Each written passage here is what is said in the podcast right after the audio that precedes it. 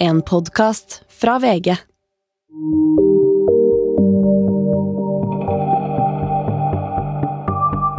Da får jeg for første gang høre denne stemmen, denne, denne østlandsk-utenlandskaktige stemmen som sier 'Du er en svindler, du, din jævla svindler'.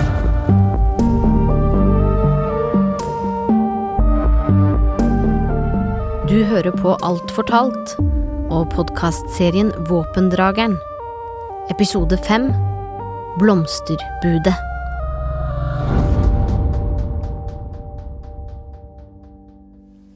Denne podkasten har egentlig blitt to fortellinger. Den ene historien handler om angrepet mot en ung mann som hadde forlatt Diktologiakademiet og Det norske kartselskapet, Bjørn Ivar Nordstrøm, og journalistene Erlend og Gordons leiting etter personen som slo Nordstrøm ned, Floris-mannen, som vi har kalt han. En leiting de håpa at kunne føre dem til beviser på hvem det var som kan ha bestilt dette angrepet. Den andre fortellinga som utgjør denne serien, handler om veien fra å elske noen til å prøve å ødelegge dem. Sara Scott og Brede Henriksens ekteskap imploderte da de havna på hver sin side av kampen om Adiktologiakademiet. Men de to historiene er tett slynga sammen, for en av dem som var med på å sverte Nordstrøm, det var Brede Henriksen.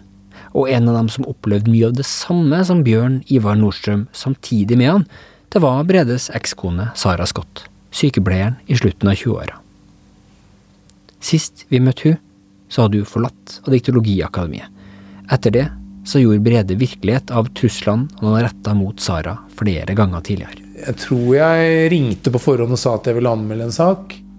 Brede tok seg en time fri fra jobben og gikk til barnevernskontoret på Holbergs plass i Oslo sentrum. Så da var det bare å komme, og så var det jo da å komme inn og fortelle da hvor, hvor udugelig Sara Hvor langt inn i rusmiljøet hun hadde kommet, og hvor redd jeg var for at hun hadde forsvunnet. Jeg lagde jo et bilde for dem som var eh, selvfølgelig veldig bekymringsfullt. Men som du visste var en løgn, da? Ja, fordi på en, på en måte så snakka jeg for sekta. Samtidig så visste jeg jo ikke at hun hadde gått så langt. Men jeg måtte jo bare si det her for å sette i gang en sak. For at jeg skulle liksom komme tilbake og liksom etablert saken. At nå, nå har jeg på en måte anmeldt hun for at hun Og det er kanskje eneste utvei for at hun kanskje skjerper seg og kommer tilbake igjen. Det er jo på en måte et pressmiddel, kall det det, da. For at hun skulle komme tilbake. Han gikk altså til skrittet å forsøke å ta barna fra Sara ved å anmelde henne til barnevernet for ting han visste hun ikke hadde gjort. Enormt skuffa over Brede. Der er Sara. At han eh, kunne dra det så langt og mm, Kjempesvik. Det var det. Bredes anmeldelse til barnevernet var gjort synkront med at en rekke andre diktologer også sendte inn meldinger til dem. Jeg har jo også fått seks brev fra seks andre medlemmer som forteller om meg og hva jeg gjør feil som forelder, og at jeg snakker, ikke snakker dialekt til barna. og Barnevernet sin egen analyse av Sara tegner et helt annet bilde av henne, som de skriver i et brev. Mor oppleves av barnevernstjenesten som tålmodig og tonet inn på der hvor barna er, på en mild, men tydelig måte. Barnevernstjenesten oppfatter at mor, på måten hun kommuniserer og grensesetter barna på, gjør dem trygge på hva mor mener. Barnevernssaken Brede starta, ble henlagt. Men barnevernet var bare det første steget i angrepet på Sara.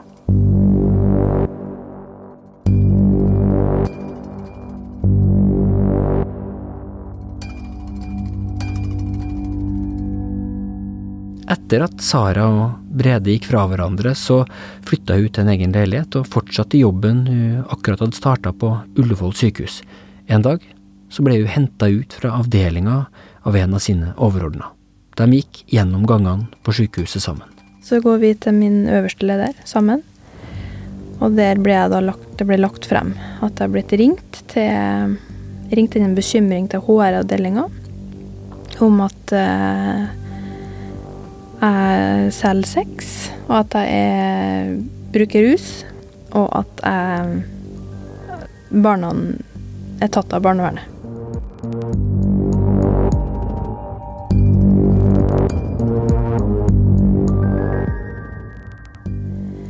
Da har jo jeg jobba der i veldig kort tid, så det er jo ikke sånn at eh, den øverste lederen eh, kjenner meg sånn kjempegodt.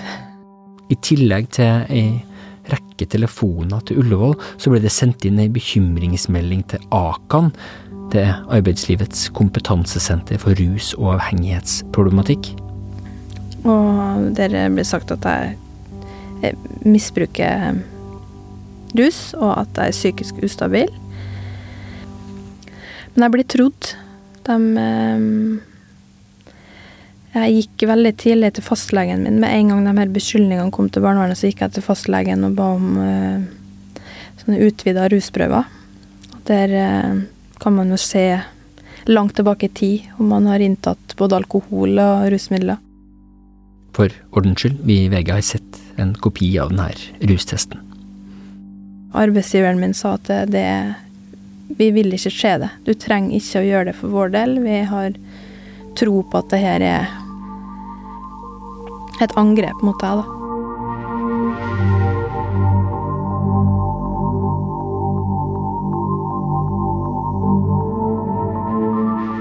VG-journalistene Gordon Andersen og Erlend Ofte Arntzen fikk høre om det som skjedde med Sara da de var i kontakt med tidligere og nåværende diktologer høsten 2017. Det fikk Brede høre, og han sendte en SMS til journalistene. Så skriver han Jeg er eksmannen til Sara Scott. Jeg går fortsatt i akademiet. Vet ikke om Sara skal stå frem, men jeg lurer på hva som er årsaken til at Sara har sendt gamle kriminelle og rusa kamerater til å true meg, etter at jeg valgte å gå fra henne. De her truslene som eh, Brede beskriver i SMS-en, sier han i dag at aldri skjedde. Samtidig så måtte Sara Scott møte mannen som angrep hun jevnlig.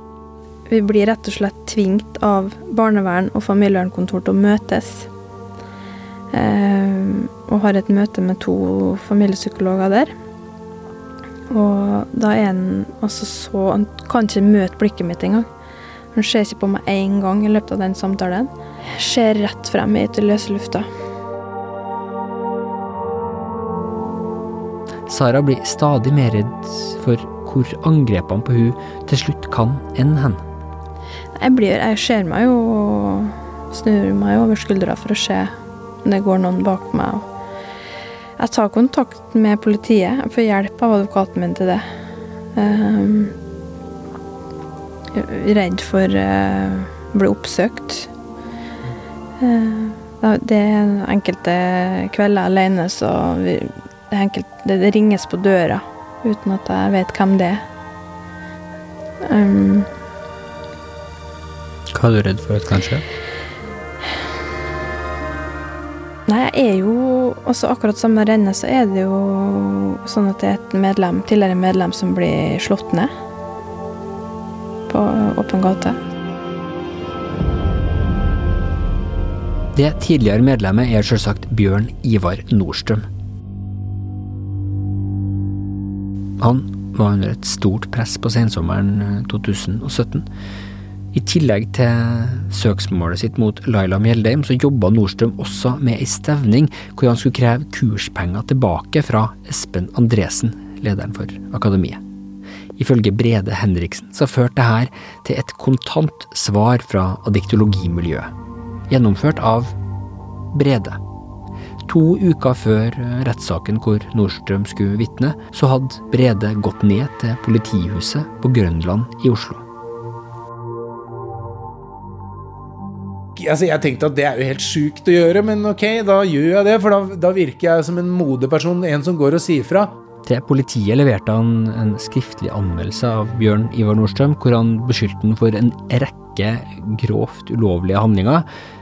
Mange av de samme som diktologer hadde nevnt under idémyldringa på retreaten i Frankrike, ifølge Brede. Handlinger som også er helt uten beviser. Det var liksom ikke måte på hva Bjørn Ivar hadde gjort.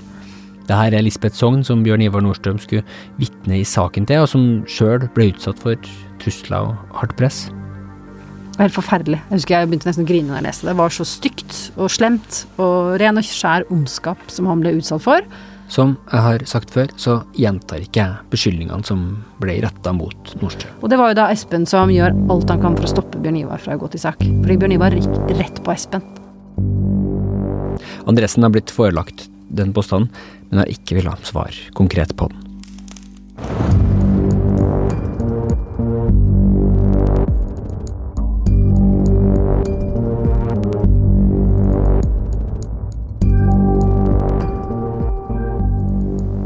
Det som så skjedde, det kan vi ikke sette i sammenheng med de andre svertekampanjene som har blitt beskrevet til nå.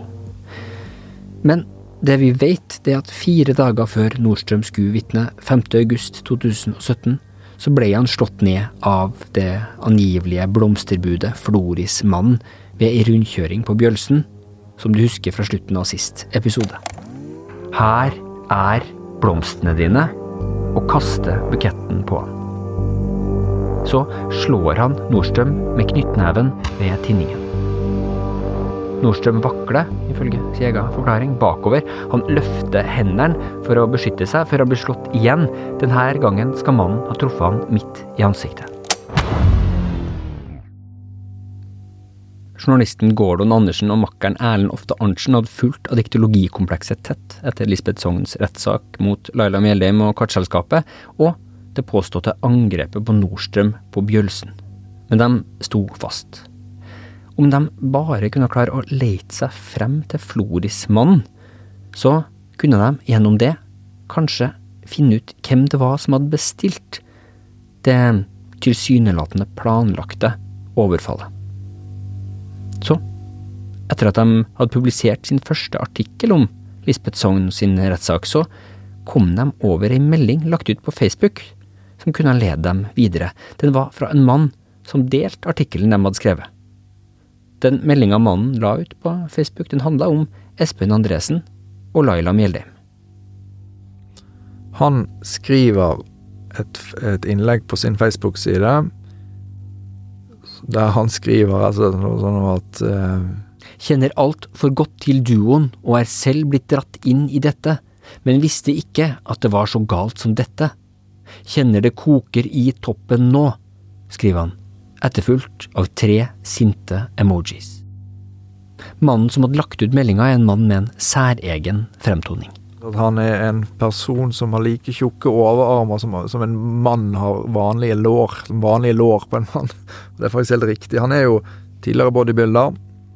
Og er jo en svær kar, nesten to meter. Han er tidligere straffedømt, tidligere torpedodømt.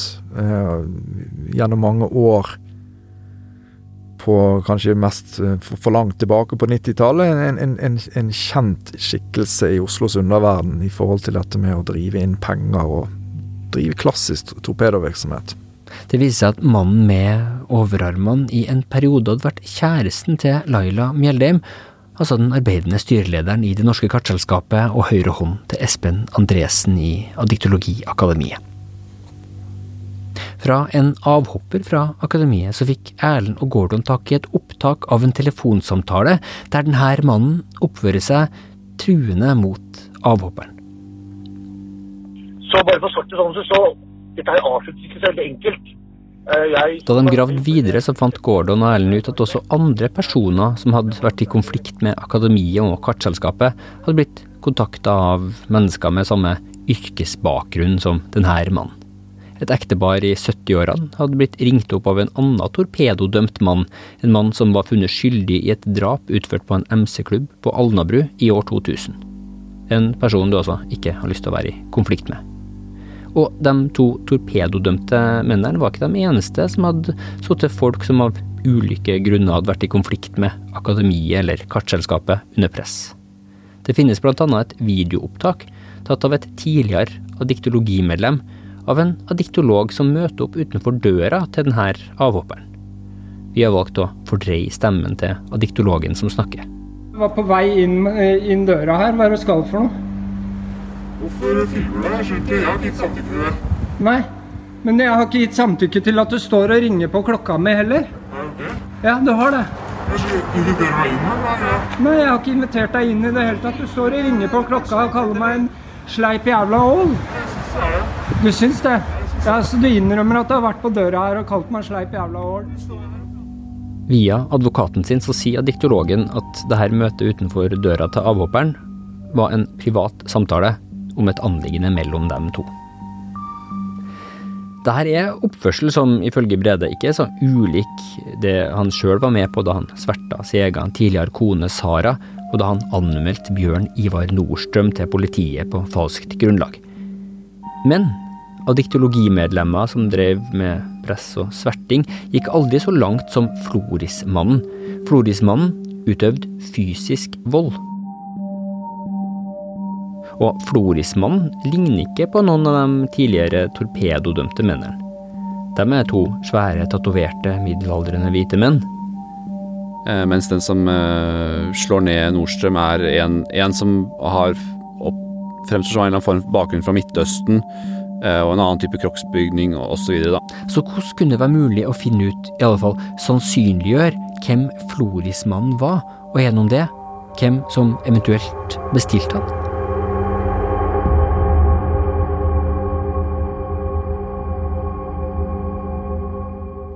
Erlend og Gordon fikk tak i ei liste med telefonnummer fra saksdokumenter i politietterforskninga av Nordstrøm-angrepet. Jeg får en håndskrevet liste med, med telefonnummer som dette Floris-nummeret har ringt til. Det er altså nummer som også hadde blitt ringt opp av den Nokia 105 SS som Floris-mannen kontakta Nordstrøm via før angrepet. Og da skjer det. Da eh, ringer jeg eh, de øverste numrene bare sånn systematisk ned og kommer til sånne rare navn. Det kommer til en, en, en, somalisk dame nede i, i eh, Nede på Sørlandet, i Sandnes, og like etter jeg har ringt henne, så kommer det en telefon fra en mann som lurer på hvorfor jeg har ringt konen hans. Og eh, Det er ikke så lett å forklare, da. Og så, men så prøver jeg det, da. Så så kommer, men så kommer jeg til en norsk advokat. Denne advokaten sa at han hadde blitt trua av noen fra samme nummer i en helt urelatert sak. Og han satt i tillegg på noe som kom til å bli veldig viktig. Altså, det er nesten sånn klisjésjelden at man får napp på sånne ting. Det var, det var napp. Så vi kommer oss ned på det kontoret, og da har han enda mer klisjéfylt. Han har faktisk opptak av den stemmen som ringer han fra det samme nummeret som Floris som han ringt, eh, sendte meldinger fra. Han spiller dette av for meg, og da får jeg for første gang høre denne svært karakteristiske Denne stemmen, denne, denne østlandsk-utenlandskaktige stemmen som sier 'Du er en svindler, du, din jævla svindler'. Så lurer mennesker og misbruker samfunnet på den verst tenkelige måten. Du ødelegger menneskers liv, og du skal betale gjelda du skylder. Skjønner du det? Jeg tar opp telefonen min, og så filmer jeg det med lyd foran den advokaten, og så spør han meg sånn Tar du opp? Så gjør jeg bare sånn. Tar frem hånden liksom, og sier 'hold munn', jeg tar opp. Og så, og så, og så når, når, vi er ferdig, så, så liksom jeg hysjet på han, så sier jeg 'du, dette bare må vi ha'. Dette bare må vi ha! Og da får vi faktisk ta det med oss. Vi får ta med oss det opptaket. Da begynner vi å kjenne lukten av blomster og buketter, og vi tror at dette er Floris mann. Du vet godt ikke ned deg gjelder. Nei, det er godt. Du skal overføre penger, du skal betale for deg.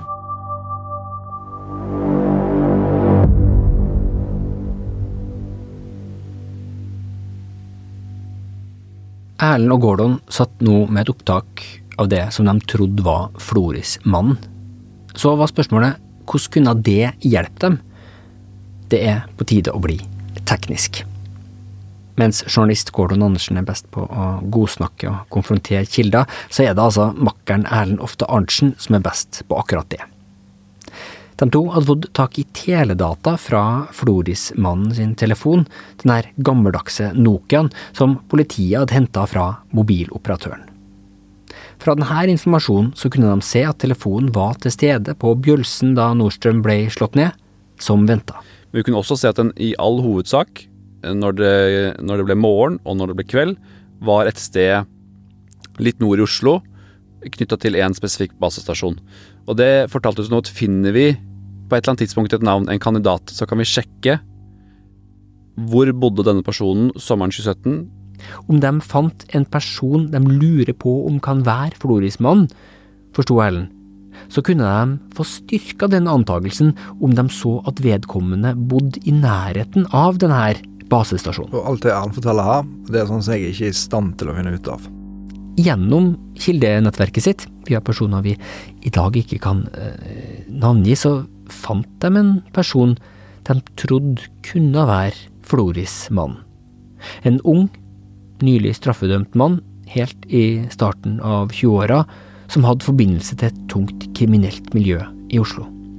Så sjekker vi folkeregistrert adresse på denne identiteten, og det viser seg at vedkommende bodde 200 meter fra den eh, aktuelle basestasjonen innen samme tidsperioden.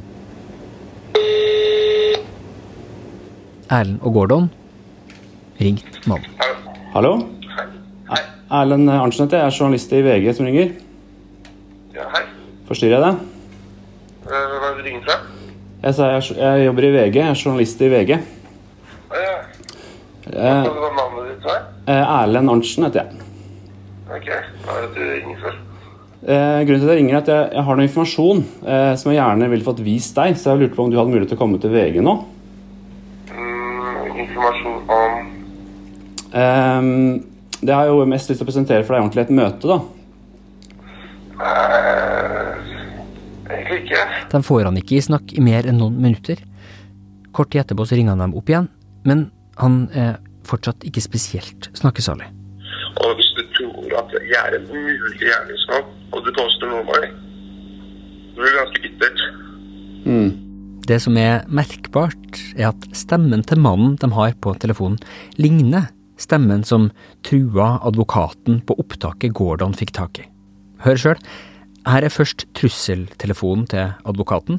Det er en jævla svindler som lurer mennesker og misbruker samfunnet Så opptaket fra telefonsamtalen med den andre personen de fant. Mistenker meg. La oss få faktaene på bordet før du påstår ut noe om meg, i hvert fall. ok? Erlend og Gordon fikk en stemmeekspert til å analysere opptaket de fikk fra advokaten, med et opptak av stemmen til personen de ringte opp. Ifølge stemmeeksperten så er det meget sannsynlig at det er snakk om samme person. Så da har de funnet Florismannen. Eller i alle fall nesten. Jeg skulle ønske at det var, eh, var, var lett å svare helt liksom et, et, bare et ja på det, men eh, Men eh, nei, det vi har, vi har noen konkrete faktum som vi kan stille opp, og som vi kan vise til leseren. Og så må leseren gjøre seg opp sin, sin egen mening. Det er liksom det journalistiske svaret. Så vi kan ikke si i denne podkasten hvem denne mannen er, men når de hadde klart å sannsynliggjøre at denne personen er Florismannen, så kunne de gå videre. Er det mulig å finne ut om denne mannen har koblinger til andre i det nettverket vi har tegna opp i den fortellinga her? Politiet fant med sine metoder ut hvem det var som hadde hatt kontakt med Florismannen på telefon i tida rundt angrepet, og de kunne se på bevegelsene på bankkontoen som tilhørte én av de her personene. Det de har eh, funnet, er jo en overføring på 30 000 kroner til en mann en, eh, som jobber som eh, miljøarbeider et sted på Østlandet. Eh, og det viser seg at denne mannen samme dag som overfallet på Bjørn Ivar Nordstrand fant sted, har hatt telefonkontakt med han som ifølge alle disse forbeholdene tatt, er Florismannen, da. Og personen som satte over 30 000 kroner til denne miljøarbeideren som hadde hatt kontakt med Florismannen, det var kartselskapersjef Laila Mjeldheim.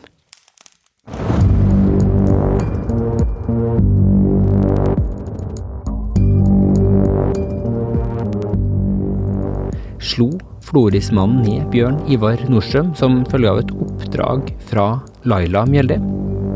Det er det politiet mistenker.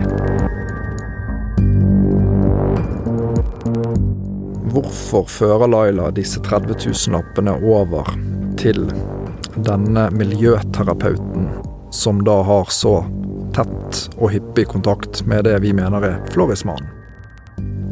Mannen som vi omtaler som miljøarbeideren i denne episoden, han nekter for å ha noe med overfallet på Nordstrøm å gjøre. Laila Mjeldheim sier via sin advokat at hun ikke vil uttale seg om denne saken, ettersom den fortsatt er under etterforskning.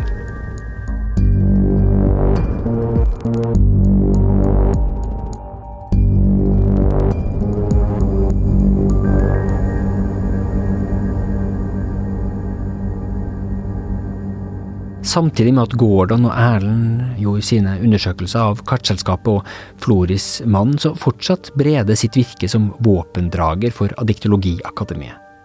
Det sjøl om han begynte å gjøre ting som ga han vondt i magen, ifølge han sjøl. Han deltok i den aktive svertinga av en rekke andre avhoppere. Sammen med en annen addiktolog gikk han en kveld i oktober 2017 ned forbi Oslo S for å finne en plass på en nettkafé nær Oslo City. Det var mørkt og surt i lufta da de gikk over Jernbanetorget, plassen som i mange tiår hadde vært et berykta sted hvor rusavhengige møtes og ulovlige substanser skifter hender. Det de skulle gjøre, det var å opprette falske profiler på nettet for å legge ut svertende informasjon om en konkret avhopper, en mann som drev et cateringfirma. Spesielt det å gå ned på Oslo City der. For det har jeg gjort en gang før. Liksom, da, jeg, da, da kan vi jo skru tilbake 10-15 år. Da handla det om helt andre ting. Men da, det fikk jo sånn dårlig assosiasjon til den gangen jeg var der tidligere. Brede Henriksen begynte altså å merke at livet på innsida av Adiktologiakademiet nå ligna på livet han hadde levd før han kom dit. Det dobbeltlivet han hadde forsøkt å flykte ifra. Addiktologien hadde ikke tatt han med bort fra den kriminelle logikken, ruslogikken, som han beskrev det. Så ligner det Du er en pappa som går ned og beskylder noen og driver med svertekampanjer og beskylder noen alvorlige beskyldninger mot en person, personangrep, altså, som ikke stemmer, og det legger du ut på falske grunnlag på sosiale medier og oppropssider, sånn at alle kan lese det. Likevel så slutta ikke Brede Henriksen. Han ble værende i akademiet. Han fortsatte som våpendrager. Han la ut meldinger om denne avhopperen på internett. Han fortsatte kampen om å få eneansvaret for de to barna han hadde med Sara. Han sier det var på grunn av redselen for å havne tilbake i avhengigheten og la rusen ødelegge livet til barna. Og da kommer det med at eh, disse bildene jeg har eh, brent i hodet med sprinkelseng og hvor dårlig samvittighet jeg har for det, og tenk om jeg havner tilbake dit.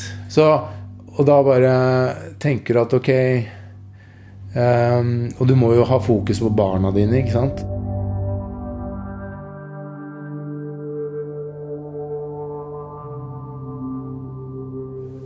Det var i 2017.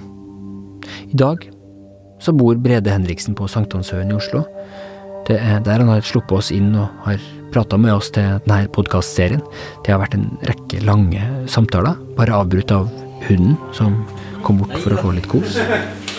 Her kommer det en elleve eh, måneder labrador. Han er bare veldig glad. Hei, og av Brede og Saras elleve år gamle sønn når han kom hjem fra skolen. Hallo! Hører du meg, eller? Skal klippe, du skal klippe klokka fire. Nei, jeg har ikke lyst til å klippe meg. Mm. Nei. Nei. Ok, Hvorfor ikke? Nei, jeg vil ha den litt større. Ja, ja. Skal vi se her. eller? Hei. Jeg er fra VG, fra avisa. Så vi prater litt med pappa, fordi husker du Om VG?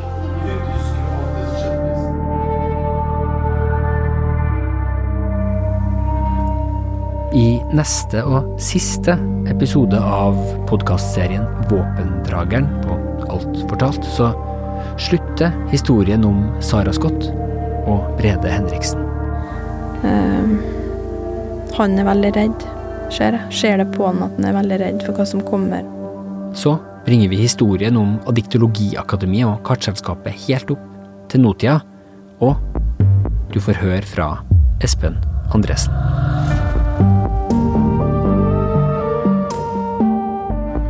Alle sakene mot Espen Andresen og Diktologiakademiet har blitt henlagt av politiet. Politiets begrunnelse har flere ganger vært bevisets stilling. Angrepet mot Bjørn Ivar Nordstrøm er fortsatt under etterforskning. Og saken mot Kartselskapet starta altså i begynnelsen av mars 2021.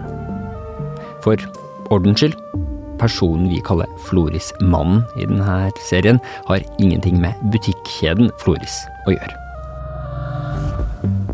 Alt fortalt-serien Våpendrageren er laga av Emilie Halltorp og meg, Askild Matre Aasare.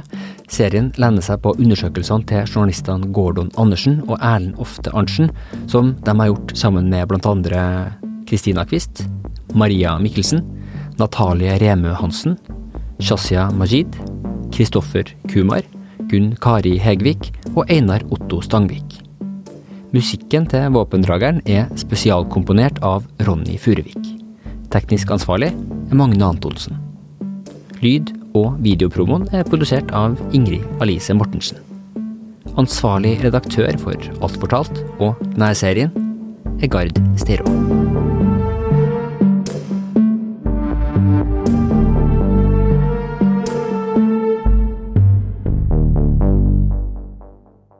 Du har hørt en podkast fra VG.